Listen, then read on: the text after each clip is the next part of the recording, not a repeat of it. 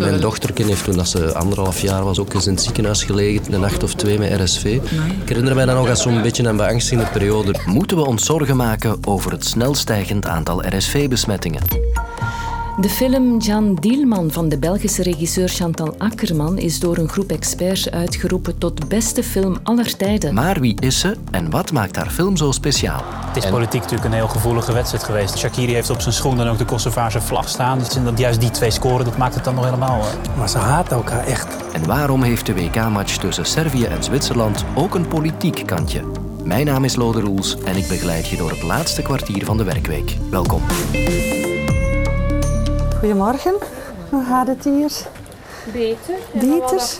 Ah, dat is goed. En drinkt alweer een beetje beter. Ah, maar dat is goed. Maar nog een klein beetje zuurstofnood? Ja. Het RSV-virus is in opmars in ons land. En daar kreeg ook deze moeder mee te maken. Eigenlijk was hij eerst een beetje verkouden. Ja, neusjes spoelen en, en uitzuigen, dat hielp eigenlijk niet. En in de loop van de dag werd hij steeds benauwder en ronken en ook meer slijm en al. En dan zijn we ermee naar de dokter gegaan en nu zijn we hier. en hier, dat is dan het ziekenhuis. Want uit voorzorg komen erg jonge kinderen daar wel eens terecht met een RSV-besmetting. Dokters zien de laatste dagen een opvallende stijging van het aantal gevallen. Niet alleen bij ons, ook in het buitenland drukt RSV op. Kinderärzte schlagen Alarm. Gerade erkranken in Deutschland sehr viele Kleinkinder am respiratorischen Synzytialvirus, abgekürzt RSV. Flu season is back with a dangerous vengeance. Young children have also been hit especially hard by another virus. The culprit, a respiratory illness known as RSV. Cienzano vraagt zelfs om babybezoek voorlopig te vermijden. Veertien jaar geleden is ook mijn jongste dochter heel even in het ziekenhuis beland met RSV. En ik herinner me toch vooral dat dat heel erg schrikken was. Zo'n weerloos kindje dat ligt te piepen en te blazen aan de beademing. Ook nu is er weer een piek en eigenlijk heb ik nog altijd dezelfde vragen als 14 jaar geleden. Goedemiddag. Mevrouw Boon, goedemiddag. Ik kon ze voorleggen aan dokter Mieke Boon, kinderpneumoloog aan het UZ Leuven. Mhm. Wat is RSV eigenlijk? Wel, RSV dat is een virus dat eigenlijk bij volwassenen een gewone verkoudheid veroorzaakt. Maar de jonge kinderen en de baby's zijn daar wat gevoeliger aan en kunnen daar eigenlijk een ernstige lage luchtweginfectie van krijgen. Die gepaard gaat met forse hoest, uh, piepende ademhaling en kortademigheid. En die in sommige gevallen wel ernstig kan verlopen. Wat zijn de symptomen van RSV? Hoe herken je het? Meestal begint het met een verkoudheid, ook bij de baby's en de jonge kinderen. Een neusverkoudheid, neusloop, um, een beetje hoesten.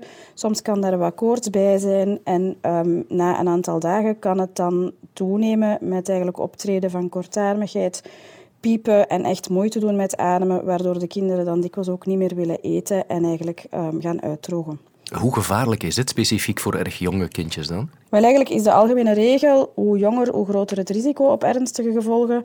Um, het is niet zo dat alle kinderen daar ernstig ziek van worden. Als we dat in getallen uitdrukken, is het eigenlijk maar een klein percentage van kinderen die met RSV in het ziekenhuis uh, terechtkomen. Ongeveer een tweetal procent van alle kinderen die RSV doormaken, komen daardoor in het ziekenhuis. Maar vooral bij de jonge kinderen, de, de baby's um, die nog maar een aantal weken oud zijn, die kunnen daar wel um, opgenomen voor worden omwille van die ernstige ademhalingsproblemen. En eigenlijk is het ook zo dat dat een infectie is die tegen de leeftijd van twee jaar quasi alle kinderen doorgemaakt hebben en meestal zonder grote problemen. Hè. Ja, en dit is blijkbaar een typisch najaarsvirus, hè? Ja, klopt, inderdaad. Um, het is klassiek november, december dat RSV um, ehm, optreedt. Ook voor coronatijden wisten we dat, dat dat elke winter terugkwam. En dat dat eigenlijk gedurende een aantal weken zich verspreidt en um, veel kinderen ziek maakt. En hoe erg is deze golf nu? Het is op dit moment nog een beetje moeilijk in te schatten. In vergelijking met pre-coronatijden is het op dit moment zeker niet abnormaal. Het is het um, juiste moment, bij wijze van spreken. Wat het dit jaar een beetje bijzonder maakt, is dat het een combinatie is van heel wat verschillende virussen tegelijk. Er is ook al stilaan een beetje griep aan het komen. Dus het is de combinatie van al die verschillende wintervirussen die het in de ziekenhuizen momenteel wel erg moeilijk maakt. Wat kunnen we preventief doen om het virus buiten te houden?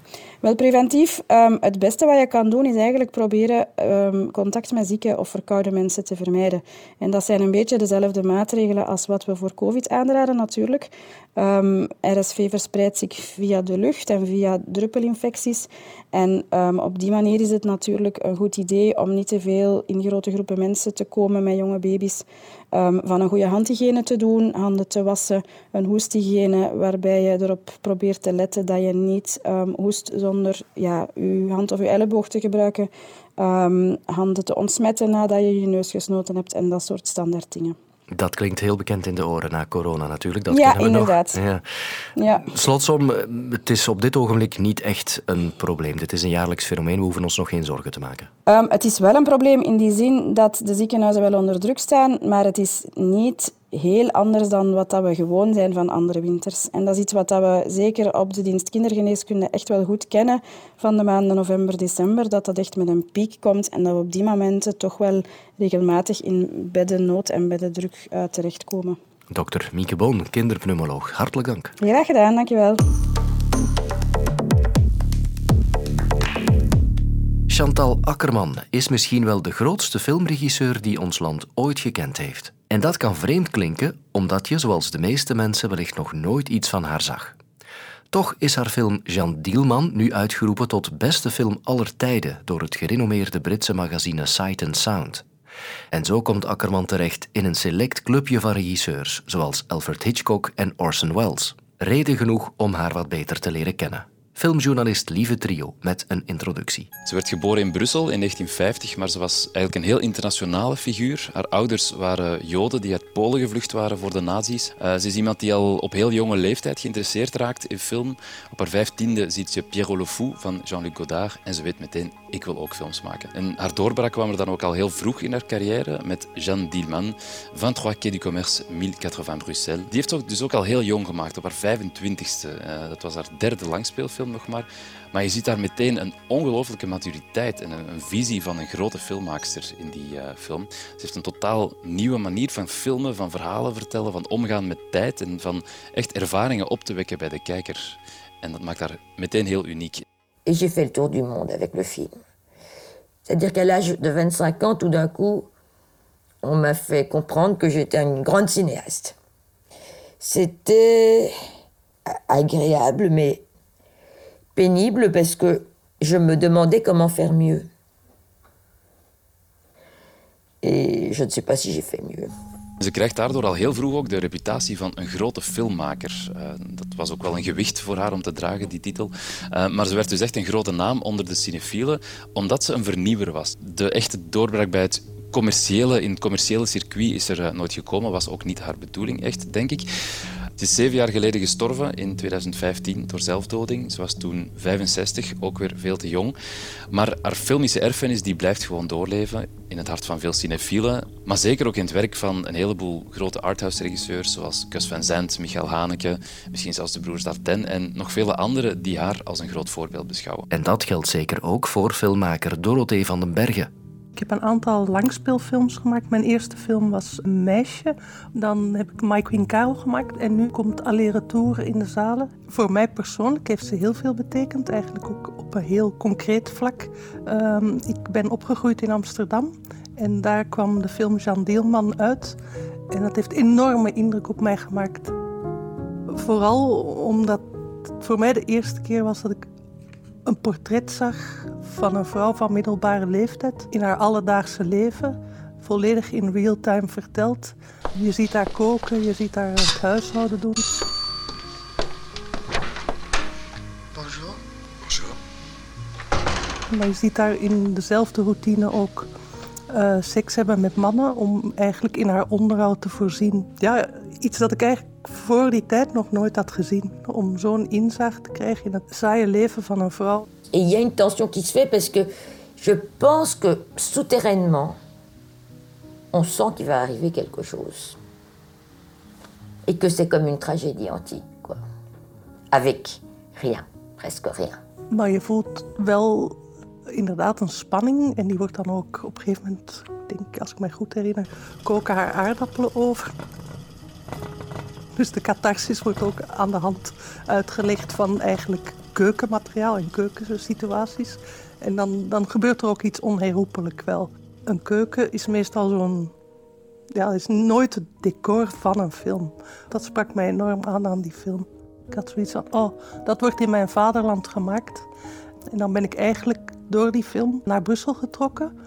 En heb ik toelatingsexamen gedaan op uh, Sint-Lucas in Brussel. En heb ik eigenlijk ook in mijn toelatingsexamen gezegd dat de reden dat ik daar naartoe kwam die film was, Jean Dielman.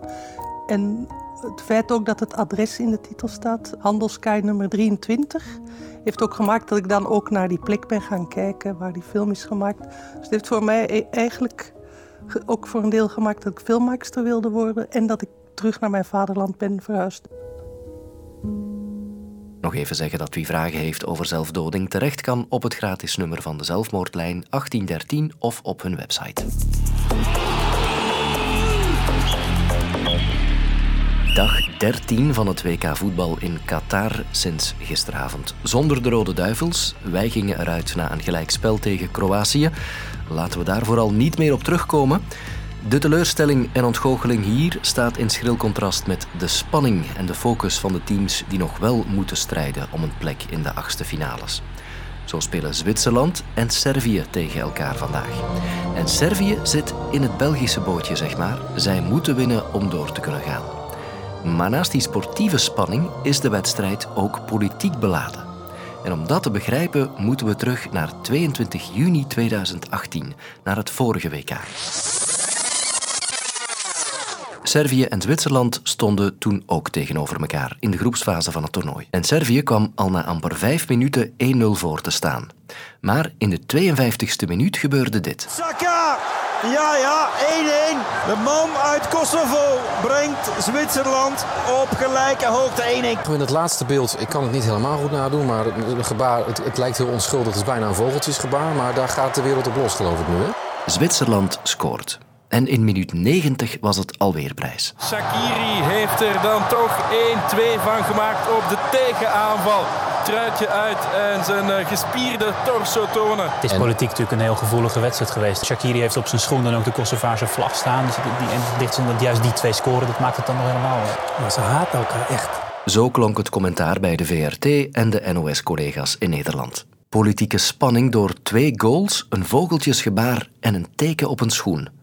Wat is er aan de hand tussen de voetbalploegen van Zwitserland en Servië? Onze correspondent in Oost-Europa, Stefan Bos, legt het uit. Kosovo heeft zich ruim een decennium geleden al onafhankelijk verklaard. En dat is nooit geaccepteerd door de Serviërs. Kosovo vindt dat ze gewoon mee moeten kunnen doen met de Europese Unie. En misschien ooit nog eens een keer met de NAVO. Maar Servië vindt dat absoluut niet uh, goed. En zij zien Kosovo als een afvallige provincie. En die spanningen die zie je ook terugkomen zelfs aan de zijlijn van het voetbalveld. De spanningen zaten eigenlijk uh, rond het feit dat de twee belangrijkste spelers spelers die de doelpunten maakten, allebei van Kosovaarse afkomst uh, zijn. En dat deden ze in 2018. Toen scoorden zij de beslissende doelpunten tegen Servië. En dat zette echt enorm kwaad bloed. Want in Servië werd gedacht, niet alleen zijn deze twee van Kosovaarse afkomst, maar ook uh, strijden ze nog eens tegen ons voor Zwitserland. Ja, en dat is hen eigenlijk nooit vergeven. En het is daarom wel interessant dat dezezelfde Kosovaarse spelers straks weer opkomen tegen Servië. En wat heeft dat vogeltjesgebaar daar daarmee te maken? Ja, die twee die deden toen die uh, gebaren om aan te tonen dat ze van de Albanese vlag houden. Dus niet van de Servische vlag. En het is natuurlijk ook zo dat uh, Servië beweert dat er ook gewerkt wordt aan een soort groot Albanië. Dat zou bestaan uit Kosovo en Albanië. Nou, zover is het nog niet. Maar uh, die spelers wilden dat wel duidelijk maken met hun gebaren. En ja, dat leidde wel tot zo enorm gejoel onder de Servische supporters dat, uh, uh, ja, dat die, die spanningen nog verder opliepen. En wat waren de gevolgen daar dan van? FIFA is heel boos geweest. Die hebben de spelers toen zelfs een boete opgelegd voor uh, hun daad. En ook uh, trouwens aan Servië, want uh, ja, er waren allemaal discriminerende spandoeken getoond. En de fans begonnen ook uh, met het gooien van allerlei voorwerpen naar, naar die twee spelers en ook andere spelers. Dus dat liep nogal hoog op. En daar zijn ze toen wel allebei voor beboet. Dus ik vraag me af hoe dat straks weer gaat in Qatar. De Serviërs willen ook zeker nu laten zien dat zij ook een goede voetbalploeg zijn. En ze zullen het er niet bij laten zitten dat ze toen verloren met die twee doelpunten van die Kosovaarse Albanese spelers. Dus uh, ja, dat zal een hele harde wedstrijd worden, verwacht ik zo. En zo raakt het altijd neutrale Zwitserland voor de tweede keer op vier jaar tijd verzeild in een wel erg gevoelig sportief duel. Want zowel Shaka als Shakiri zijn er opnieuw bij dit jaar op het WK. Alle details over deze wedstrijd en over de rest van het WK natuurlijk vind je op sportza.be.